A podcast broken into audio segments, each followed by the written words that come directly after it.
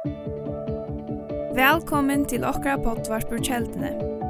Loika mykje hvert var stater i dag, så vana vi at det hesen båskapring kan være til oppbygging for det og for tukt antall av loiv. Takk for at du loir av og njød dagsens båskap. Jeg har Jøgnus av Vika, sagt herren og byen, for jeg øyne vite herre hva ligger av tøynen i hjertet, til moen til samkomna som ikke kan komme sammen og i sin tøyen, på samme måte som det ble å være. Men hva hever du til okken, og til alt de som løyer, til færre folk. Og jeg finner noen ting som jeg kjenner hos ande og lagt av mot hjertet. Og jeg tror at jeg søker herren, så vil herren gjøre okken år at tale ut. Og ved hver så kan det være noe profetisk. Profetisk til hvis jeg leser i 1. grunn 14, så, så tås det profetisk om at det kan være at, her, at, at man ber noe fram som, som er til oppbygging, til amening og til trost. Og jeg trykker nek, og jeg synes også har han få av kvart noe profetisk av døyle ut til de som de nå tjener, etter stand i U4. Oppbygging, der bruker vi oppbygging som tog om, Og jeg synes det kan være nekka profetisk god djeve til okkon, til togjen, tøyn, eisen her i morgen, amening, Onkte kan onkur rattløyng være, tog vi færre av spåren for jeg kommer her som er det beste for okkon. Og trost, alt det her kan være nekka som god gjør okkon profetisk til personer, eller til, til fløyre. Dette tykker vi er god og lagt meg hjerte morgon, nekka tog som vi kommer å si her i det. Og vi begynner vi Sanjanon, du kjenner deg vel løsene, til som er, er nøkker i Kristus. Og det er ikke tog jeg Sunjan, så ikke togene, men Tjøkkensa vikene så har vi faktisk sunnet det her kaurier som vi byrja vi. Han ganger om, gjør vel og hjelper ødlån, som er yskriften av tog som jeg vil sija. Og vi er stender han birar ber og leser kvart og svar. Han er i andanon, tjøkkensa ødlån, han ber tjøkken luive, løyve holdt til edle svar. Hetta er det som lyser hvor Jesus er. Og det er synes jeg det her, kan man säga, gamla låsangskauret, så er det så er det bygd av øyne det som Guds år sier. At han ganger om, gjør vel og hjelper ødelen. Og om vi ikke takker et bibelvers som vi ikke kjenner vel, så stender det i Johannes 12, 12, Tjauren kommer best til å stjæle og drepe og forkomme, men er kommet for å gjøre liv og liv og iverflå. Det er Jesus som sier om seg selv at han vil komme at gjeva loiv og loiv i iverflå, men han tjauren, møstumauren, fudgjenden, djevelen, røyna kom inn, stjæla og drepa. Vi kan også si at vi kvars oppleva vi av okkon at det kjelige eh, kjem inn i okkon. Ikke minst av oss som søtter og som kan herja. Men også når det er personligt, sjuker og plaver, så vil fudgjenden med okkara komme inn og, og herja fyrir at øyletja. Og så kunne vi vente oss til Jesus, han som kom for å gjøre liv og liv i overflå. Så du, God, han er gaur. God er nøyer. Han er øyne sannor. Han er rettviser. Og så stender øyne og gjør han lett ikke spotta. Som øyne sier hvor god er. Og vi hver så skulle vi øyne, kan man si, seta kan man säga sjónar ei og kvært hva er det God vil sige vi okkom og hva så lyser vi Guds suje som rattvisor som gaur som han som gonger om og gjør vel hjelp for ødlom, så det er han. Og anker du så er det ter sju når han øysen og amener, og setter ting på plass. Og så husker jeg, jeg gynner vis nisse vikene, hvordan kan, hvordan kan Jesus blive så misskiltor? Han som kom for å gjøre vel, hjelpe og sette frelse og grøa. Anker så skiljer ikke ta i, ta i møte mennesker, og ganske høyre hva rører seg og hva folk sier om, om Jesus, Så også, hvordan kan han bli så misskilter? Han som kom för att göra vel göra väl och hjälpa. Och så är det frälse. Och det stender i Johannes evangelion kapitel 8 og vers 5 så lås Jesus skuiner i myskrenon och myskre skilte det inte. Vi är att stender, tog ikke vitt Och hva så er det som att ah ja. Det tog att Jesus ble så misskilter tog at her stender jøse skuiner i myskrenon, og myskre skilte det ikke, eller tog ikke vitt tog. Og just dette kan vi kvørst være en erbjøving, tog at vi kvart akkurat som vi, vi gjør noen gøy ting, og ta gjør det Jesus øsene, men det skilte han ikke. Det som øsene levde og i togene har Jesus fysisk verdelig slik her og gjør det vel. Det er akkurat som det var nekka som gjør det at de ikke fætta av det som Jesus kom til. Og hver så hukser jeg, ah ja, til just så løst øysen er vi Guds samkommer, Guds kyrkjelige. Vi blir oss øyelig ofte misskilt. tog at mennesker sudger ikke. tog at miskre fjaler og divor. Og så stender øysen i Johannes, kapittel 12, vers 26. Er kommet som jøs i høymen, sier Jesus, for at, for at ånden som tror av meg skal være verant i miskrenom. Vi gjør noen at tar vi teka vi Jesus. Så vil vi, og Bibelen sier det i Glossebrand kapittel 8, så vil vi flott fra myskrenon inn og jøse. Og dette er bådskaperen, til gode og tøyendene. Og, og til oss som tøy vi vil vi boa og vilja, kan man si, komme vi glede bådskapen om at Jesus er jøse, og at han som kommer til hans herre, han ver ikke myskrenon. Men tøyende ut. Og hvis jeg tar ikke en støv og i, i Apostelsønnen Tudjo, så her har vi et frasøkken om Cornelius, som var en herive maver, og det romverska, kan man si, herlino. Han var høytnykker. Og, og dette var noe som Øysten den tøyen hver og Jesus sier, fær nå ut til alle folkeslå vi gleder budskapen. Alle folkeslå vi gleder om. Og Peter, som var en av den første som fikk en oppenbering, Hvis du leser kapittel 12, så ser du hvordan god måtte gjøre honom, kan man si, sjøen, for jeg fæta, Peter, nå er tøyen til komme til at folk har glede på skapen, ikke bare jødene. Og Peter ble gjørt, kan man si, til røyer, og her har vi Cornelius, en høytning, som da stender om ham, at han var, han var en eller annen måte godsøttende. Tøy at han ber, selv om han ikke heier og samfunnet ved herren, Men god hørte. Og det ligger nek i sånn her, til god ser at mennesker er løytande. De søker etter sannlagene. God ser til mennesker heva etter her, at jeg vil så gjerne eh, få fætter ut i jøsene. Og det er nek som søker å finne ta skøyva til verre. Og tog må vi halde av fram. Og det er at boa gledebåskapen tog at knappelige så kan det gjenge oppfyrt her. Hette er jøse. Hette er sannløgjen. Og Cornelius, han heie, som det ser ut, et øylet hjerte. Han løy deg. Han løy deg. Er du her det, og, og, og stender fremme til høyre året og fremme for skudjan, løy deg til. Søker du et sannlag. Er sannfører om, om du gjør det, så kommer du å finne han. Tog at god lært, kan man säga, Petur få, kan man säga, en bådskap, en nation, Petur, du nøytra færa vujare. Tog det er en person eller det en familie som, som løyder etter mer. Og tog var det så løys at Peter ble kattlaver til å fære en lenka fer til den her høvesmannen vi tar med gode togentene. Og så stendet det at da Peter kom her og börja å prætika. Og han byrja sjå han vi Jesus som vi leser om i kapitel 20, vers 38 och 93. Og her ständer så løys, Og han sier så løs, om Jesus ur Nazaret, hvordan god salva i han i høyle andan og kraft, han som gikk om og gjør det vel og grøtt i ødel, og i djevelen hei finnes valdiga, til god vær vi honom. Til å si at Peter begynner å fortelle, å grøye fra fire sånne her eh, folkene om, høytningene om at ja, men Gud sendte han ut til å gjøre vel og grøye. Og så sier Peter, vi er vittne om alt det. Det tar vi, og han gjør det, bæg ut om land, jødene, og i Jerusalem. Og så ser han videre en setning her som jeg stekker vi. Han drøv på tøyr, og hongt og han av tre. Akkurat som at han visste at det gav som Jesus gjør det. Men så kom, kan man si, her har vi til de religiøse løgjerne som ville ha Jesus vekk av vennen under romversko, som krossfestet han. I samstarv vi jødene, tar skriftlærde eller tar farsierne, som miskyldte, som ikke tog vi båskapen og hongt og han av treet. Og atter her, så kunne vi spørre, hvordan kan man drepe øyn som gikk om og gjør det vel og gjør i ødelom? Hvordan kan man det? Og her er sannført rom at tar man gjør noen ting, at jeg at la stande møter tog som er ta beste. Glede på skapen. Men om, om det som Guds år viser, sannløygan, og det virer som er det beste grunnleie for meg, og for alt for folk, tar man stender med det tog, så er det akkur som gjør at man ikke vil til.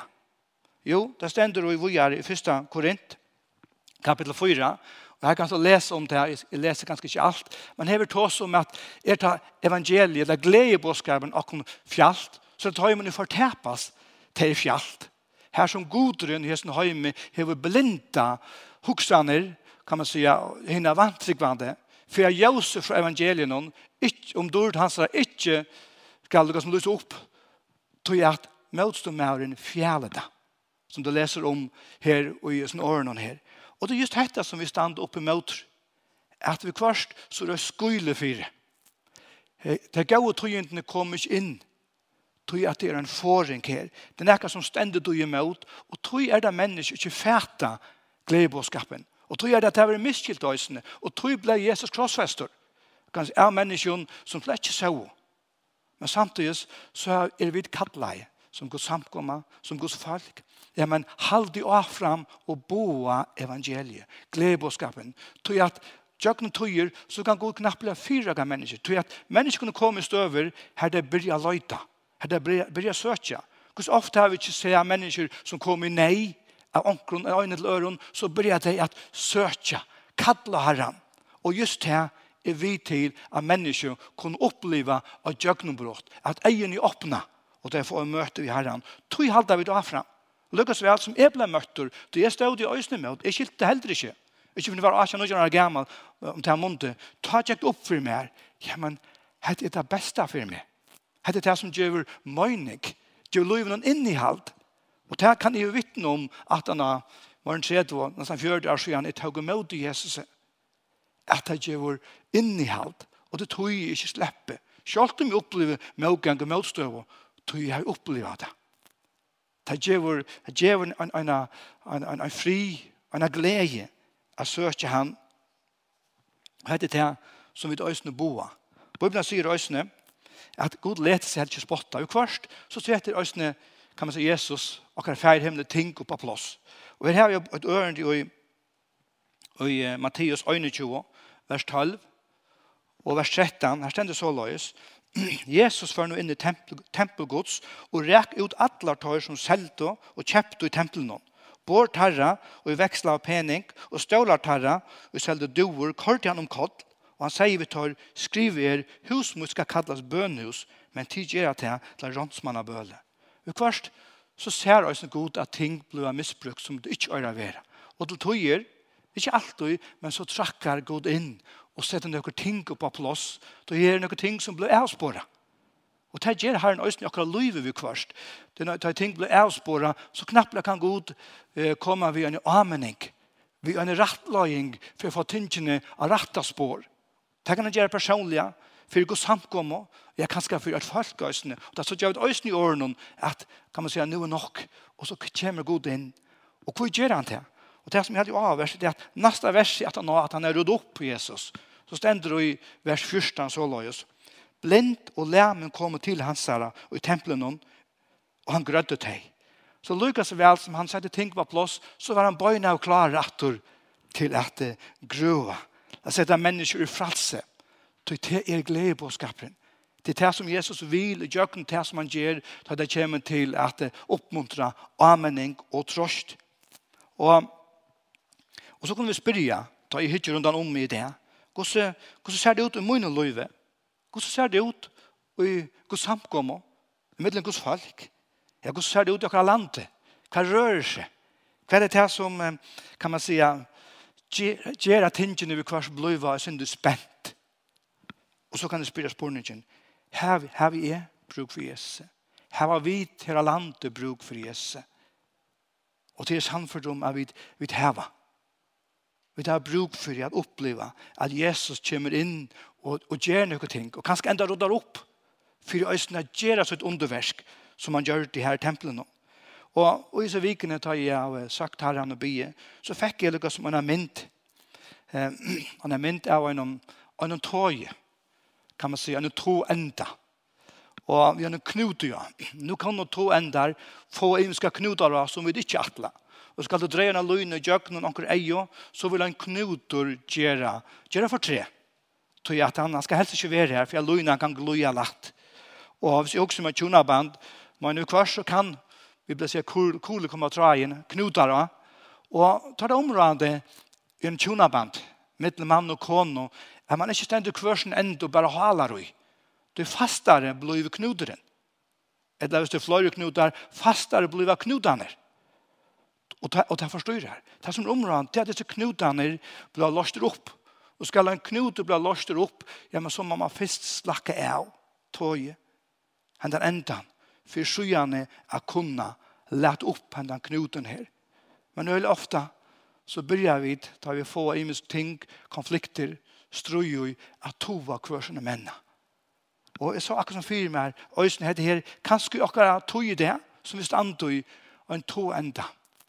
Anna, anna kan man säga, här har vi stå och vi toa och kursen med henne. Och knutren blev bara fastare och fastare. Og at jeg løy meg østen til, da jeg husker om det som rører seg i det akkurat samfunnet, som kanskje ikke alt så lagt å nema vi. Og vi kvar så, så var vi mynt av det, og i akkurat bønner stund, og akkurat løt seg med herren. Og da jeg hukt etter tog, kan man si, tog som rører seg i akkurat samfunnet, og ikke etter akkurat hva tinget, så vi kvar så, så hugser jeg at det er ikke lagt å være tøy som takker avgjerer for ødel av okken. Da vi hugser om korona, hugser om søtterhalt, vaksinene. Det er ikke lagt. Så man kan spørre, hvordan skal man navigere i jøkkenen i Satoi? Og det er, det er, det er ikke lagt. Og man kan si at de som stand og imenske løyere oppgaven, standa fire, de kommer så eller så av må ta avgjører Og øyelig ofte så vil man, og som Guds ord viser, få frilig. Jeg sann for om at en av løyere som, som løyer, og stender til arbeid, og ikke minst akkur hva ting, vil gjerne få frilig. Guds få vid ta beste løsningene. Og, og til nevnt, vi ble sier at det er fagbaltet, og vi sutja fagbaltlig spiller, til nevnt å sitte og av skorapaddelen og råpe. Og sier hvert og spelerne burde gjørst, eller ikke åtte har gjørst tror jag vid sudja så väl och kunne äcklaja till som en, en eller en, en, en hver spelare gjør i utrådte. Det, det är sånn lätt för kvart av er här och bare äcklaja och ropa ut hva vi skulle. Hva er det tajmen som spelar vödlen. Jag säger inte just nu at vi skulle tya och inte säga. Da det kommer ting som rører seg. Vi tar till bättre folkarej. Och det er fantastiskt fralse vi tar av landet. Men vi kan gå och säga, här är bruk för östen i kvart steg stega av. Og hans etter er vi ikke bare stand og hale hver sin enda, og knuteren blir bare fastare og fastare. Og det løyte meg også til at her at hvordan styrer en, en kjipare, at kjip i kjøkken og ringt farvatt. Det er nekka vi kunne sya om jeg sa tog, bæger av landet, men rundt om allan heim, vi, vi er jo ringt om farvatt. Og, og tog betor, tar som navigera, tar kunne jo få opplæring, gå så navigerer jøkkenen, vi kunne säga, her som skjer og boar er og streima skjekvor, tog alt dette her er nekka som tar som navigerer kunne lære om. Då är bestämt om stövon så är det kanske en en en skjer här en och strema skjer här en oja och vad vad var det som skip må ans etter ikke at renna av. Og til bedre kunne vi si, så kan man lære å få sjøkost som er bare enda en, bedre og bedre i tøyene vi der og er alle tekniske GPS-er, radar og hva var det. Alt dette er hjelp til til en og en stende fire er sikla, kan man si, rettene ved. Og allikevel så kunne du oppleve at selv om man hever disse hjelpene, så kan man renne av. Hvordan er det skip, eller det er gosse fløyre bare mine tog som er rent av flesjene her. Mine, utenfor, vi tenker fjøren til flere skip. Og så helt ikke lengst siden er akkurat skip satt fast her. Selv om det er mest av korsen noen kan flere er. Og det er flere skip som lytter av havsens botten her. Så er det jo, det kan noe gjøres. Tror vi det er mennesker. Vi er en menneske som vi først kunne teka skøyve av. Vi var bare ikke vært nok, og vi tog støve. Og vi kunne alt komme til å renne av akkurat skjer og en boa, etter å komme inn i en stremasjekk. Og det kunne vi sannelig sige, for jeg har land i det. For at han høymen i det. Og tog er sånn jeg var avbjørnger. Og så hukser jeg meg til her. Og til det er vi det her var sjøkort. her vi kunne sudja noen ting. Vi kunne lære om. Men det er så først til her som her som uiser er av sjøen, Grønland er av stedet. Men et uisfjall. det kan jo godt lides. Et uisfjall kan også godt lide mer under sjøen enn åmene. Og det er ikke alltid lukka lagt å navigere. Ta vi det her vi uysfjall å som kunne flyta seg Og da jeg husker, og jeg fikk noen mynden her om korona, så er det for meg som et utfjall som flyter seg. Det som er helt for øynene og skjønne, det er ikke akkurat det samme det. Det er flott seg. Og mulig kommer et til utfjallet, hendan støvan, er flyter, seg framhaldende. Og så har du ikke sjøkost som du kan bare lese om, og jeg det flyter ikke handa ved, eller det er så løs. Og i kvart, så må man alltid komme her til å finne det hva gjør vi nå. Det er alltid lagt av å være klokker atama. Det er det nemmeste. Då vi sutja eh, feilene. Og så kunne vi lære at han takk og lov for det. Og så kan vi huske med det utfjallet. Hva var det som gjør det at tiden ikke sagt? Det var just just utfjallet. Så det er ikke alt så lagt å finne det av hver det er. Vi kunne ødel vi kvarst komme med åter og renne oss under av. Og så rette jeg her at lære. Hvordan kunne vi ut som er folk gjøre jeg som tøyen? Det var ikke noe at jeg kunne kjenne til at det dette hodtaket jobbstål. Og jobbstål, det kommer nok ut fra Guds år. Og de fleste eh, har hørt det hodtaket. Hvor jobbstål? Jo, visst er det en tøy, hva vi må hava jobbstål. Nå tar jo, kan man si, når koronatøyene var så lønge. Og man var jo ikke ordentlig enn hvordan lønge. Hette er ikke for alle lidse. Eller når det er vekk. Ikke ordentlig. Og hvis vi bare lykker, du kan lese om jobb, her er tve fra kapitler, så er det en veldig spennende bok. Og da man grunner av det, så er Jobs bok en av de første, kan man si, skriver av bøkene som, som vi har i Bibelen. Men Jobb heier ikke Bibelen for å holde seg til. Og nok heller ikke nækka skrifter til at när Jobb levde. Men Jobb var gods. Jobb hei en, en sterska familie, han var välhavande.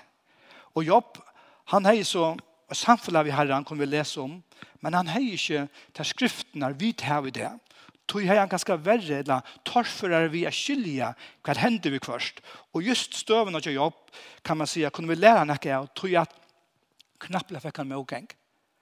Han opplevde sjuk og plaven i sitt likam. Akkurat som et skudg kom han i ham. Og ikke bare han, men et familjen. Og alt det som han åtte, han miste alt. Han skilte ikke at det var en åndskamper i himmelrømtene. Her okkara, okkara fjerde himmel og møt som er djevelen var jo en dialog som han ikke sa eller skilte. Han har ikke fyrihalda seg til. Og han, lukka som ble sett til Suyes, ødel vende seg fra honom. Og det som så hendte det var at han hei nekker vimmen tog betur som kom till hans herre. Och i fyrstene så var det bara samma vin för jag viser samkänsla. Men så då jeg nekker det var farnir så klara vinnmänner som skulle være rådgivare hans herre. Inte tia mor och ta börja och tåsa. Och Jobs bok, i kapitler, en längre dialoger atro fram vi vinnmännar och jobb Og vinnmannar røyna alga som har vysa jobb, til vi gjørst okkur, til det finnes av planer, til vi synda. Og jobb bara kan svära att ja, men vi kjenner inte til det och han försvärar sig kunne vi säga. Och tar blev vi och og och Og Och så läser om det så nekva tog som tar sier, är man är gott. Det är skriva. Men Ryan det går jobb akkurat ta till var bästa rött. Det passar inte inn i jobb som støv. Och tar ju så leser och jobb eh, kapittel eh, 19, 25, så stender det mitt i sin strøynen, så sier han, men han nok høyre. Men jeg vet, jeg løsner min liver, og som min sørste skal han støye fram av dusten om. Og dusten kan være at en erbjøringsmann er i sjuka plava, korona, hva det så skal være. Så vet jeg at Gud skal støye fram, og han heier seg her positiva jottene, kan vi si. Jeg vet jeg løsner min livet.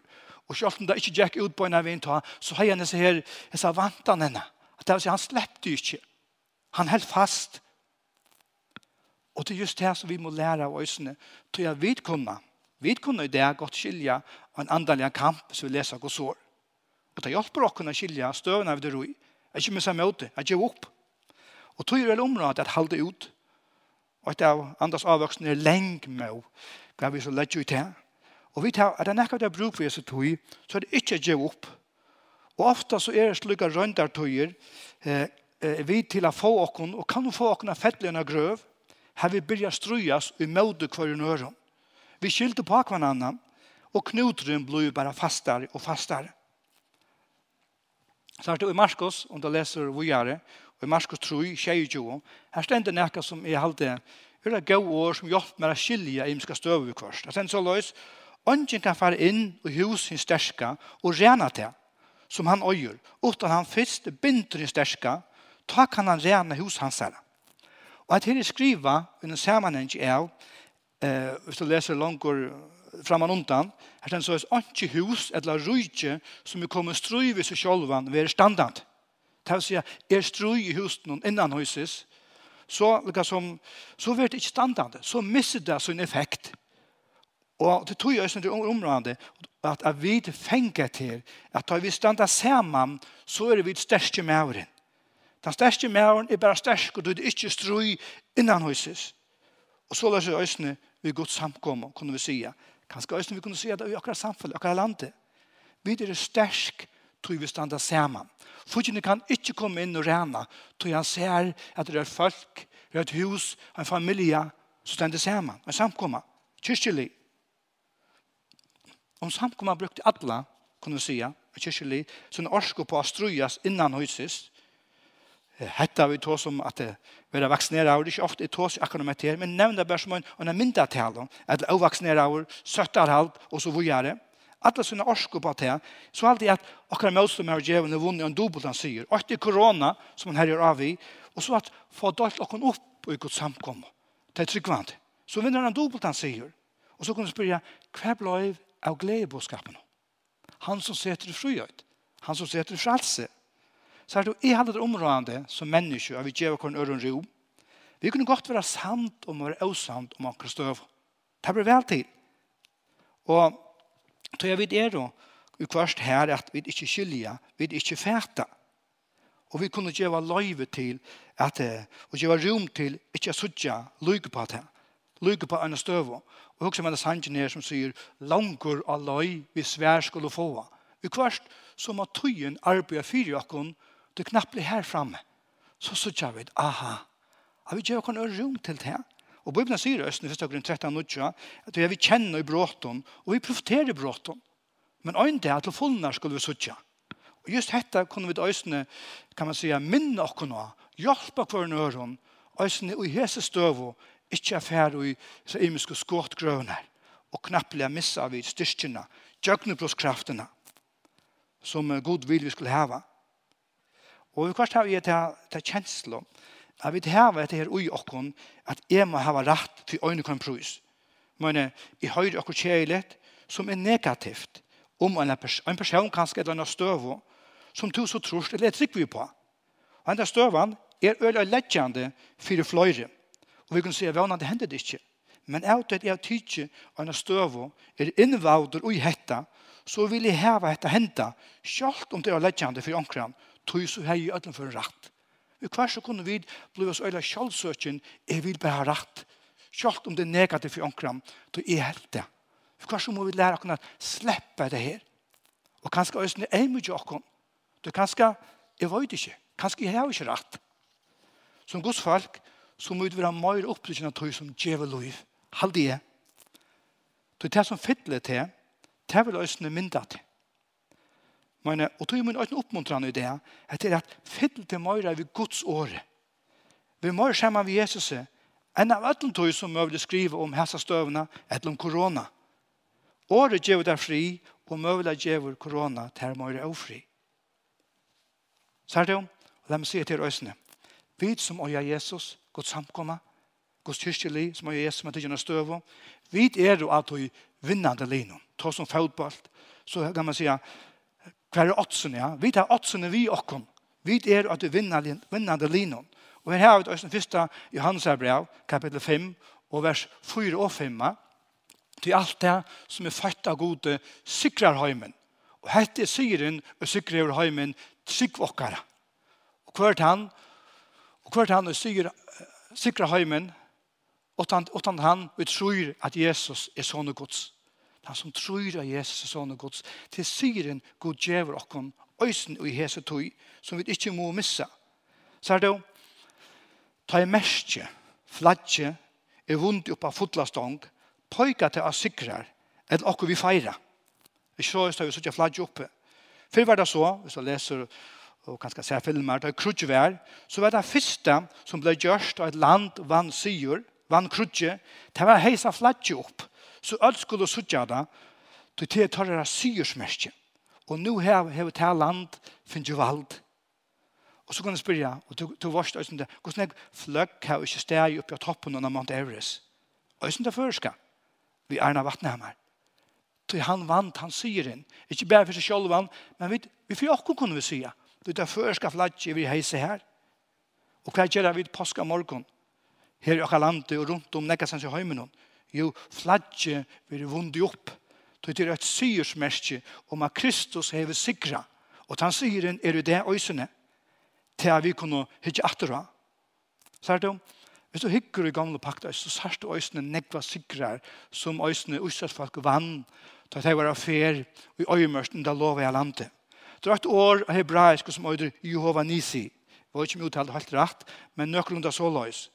Og just hendan her hendingen, hetta navnet vi oppenberer i Æra Mosebøk kapitel 16, du kan lese om det fra vers 8 eller 16, så ble dette her oppenberet for Israelsfalken. Jehova Nisi, som merker Herren er her merker mot. Og dette var under en stor bardeia som Israelsfolk var ui, hver det var affær, røykande i øyemørkene, og fudgjen Amalkittar var møte døymon, til å drepe og letja. Og ta vart nere i delen om Refidim, og så kunne vi spyrja, Hver øyemørsk er vidui, tui, hver en del opplevde kjølvanoi, og hver er fudgentin, kunne vi spyrja. Og i disse her sammanhengen så sier Moses vi Josva, fær nir i delen og møter amalekitten hon. Tøy at eh, God vil være vi okkon, så skal jeg fær opp av en hedge, og, og stande her innenfor Guds asjon, vi opplytter hånden, sier Moses. Og så stender det, og i vers 11, og i RMS-bok sier han så løs, at han sier, jeg vil ta at mennene alle, nei, sen sier, så langt som Moses helt hånden oppe, stod utsetsmånen til vinning, men da han lett hånden søkke, søkke, stod amalekitten til vinning. Så er det jo, er en mynd av at Moses fyrer oppe hedgen til å søke herren. I bøn, kunne vi sige.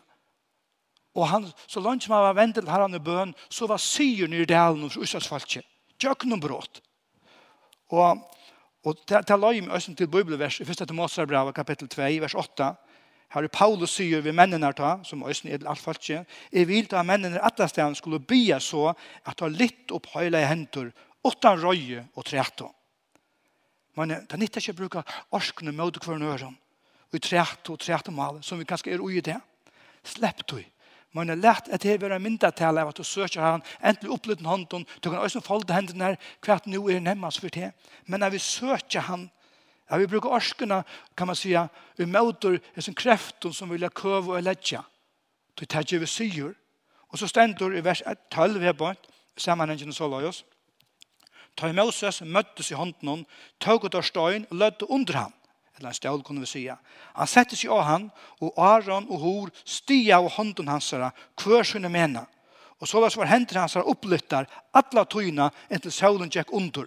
Björnoren, han var avhaldende i bønene, og han har brukt for hjelp av det stia av Och så stände det at tar vunn og syr tog at god gav dem syr väckna til at Moses som også fikk hjelp av Aron og Hor I bønene kunne vi sige, så var syr nere i delen som god gav tøymon. Og her hevde denne mynd hva vi kunne sutja noe lunta at her var, her var trutje personer venter til herren, venter til herran og god gav og en syr. Og her blei et altar rost, hvis jeg leser langer nere i vers 15, Og et altar, det er ganske vel, det var flagg som ble rost. Men tar rost man ofte altar, man bygde altar som et, et minnesmerke, tog det skulle pøyke av at god gav syr. Og ta mestjur, Jehova Nissi, Herren er her mestjur mot. Vi kunne sagt syr mestjur mot. Og det er øysen trav i Kolosser brev 8, her det var tås om at han, han er avvåkna i tignene og valdene og gjør det det skammer til han der inn av krossen til han vurste seg som syr herre. Henda sier og jeg vet, og det er området vi får okkar innar og ei åpna, og vi bruker orskene av rettan hatt og i seg tog. Jeg vil røyse okken sammen, tog vi kunne suttje hos året, Og hos år lærer okkon at okkara kamper ikke alltid møte kjøt og blåa, men møte valden tygnon, andens ønskaperen i himnarymdene. Og tog må vid, og tog oppmuntre til meg som gos folk, let okkon være teg som er nudjon, litt opp hendene i bøen. Jeg vil standa saman, øysten i det, til god djeve sier, god djeve djøgnebrott, trygg okkara sikrar, vinnera motstøvne. Og som øysten i Østjærsfag opplevde det, og hese fer. Så er det jo, vi er løsende bedre for en jobb, kunne vi sige, så vi kunne halde oss til året. Vi har i åren, kan man se en oppskutt på, som løyer oss, og viser oss, gosse vid, kunne standa sammen. Gosse vi kunne skilje en bare det. Men det er området der vi leser året, vi inntaker det. Og så ikke fyrir meg jobb i støv og østene, kan jeg si, jeg var ikke løsner om min liv. Og jeg ble ta mynter av den sangen ned, tja, Anneko og Sigrid, hva det synes om, jeg reis ikke rekne, jeg reis ikke vind. Og vi kan se det samme, jeg reis ikke alt det her som røyser seg. Du vet at handan skudgen, her er luften alltid blå, blå. Så er det en der, så vil jeg sudja, at disse skudgene vil flyta seg, og solen vil brøde jøkken og nekker straler her og der, inntil det verur, ha det over, inntil det lyser hui, og det er sudja for meg. Hvor, vi som kan samkomme. røyser oss opp i fjellet Vi strujas saman. Vi tog ikke i endan kursen mener mor, vi sleppa så knutene kunne løses opp. Og da kunne øysen løses opp i Guds kraft, tar vi lov honom fra mæt.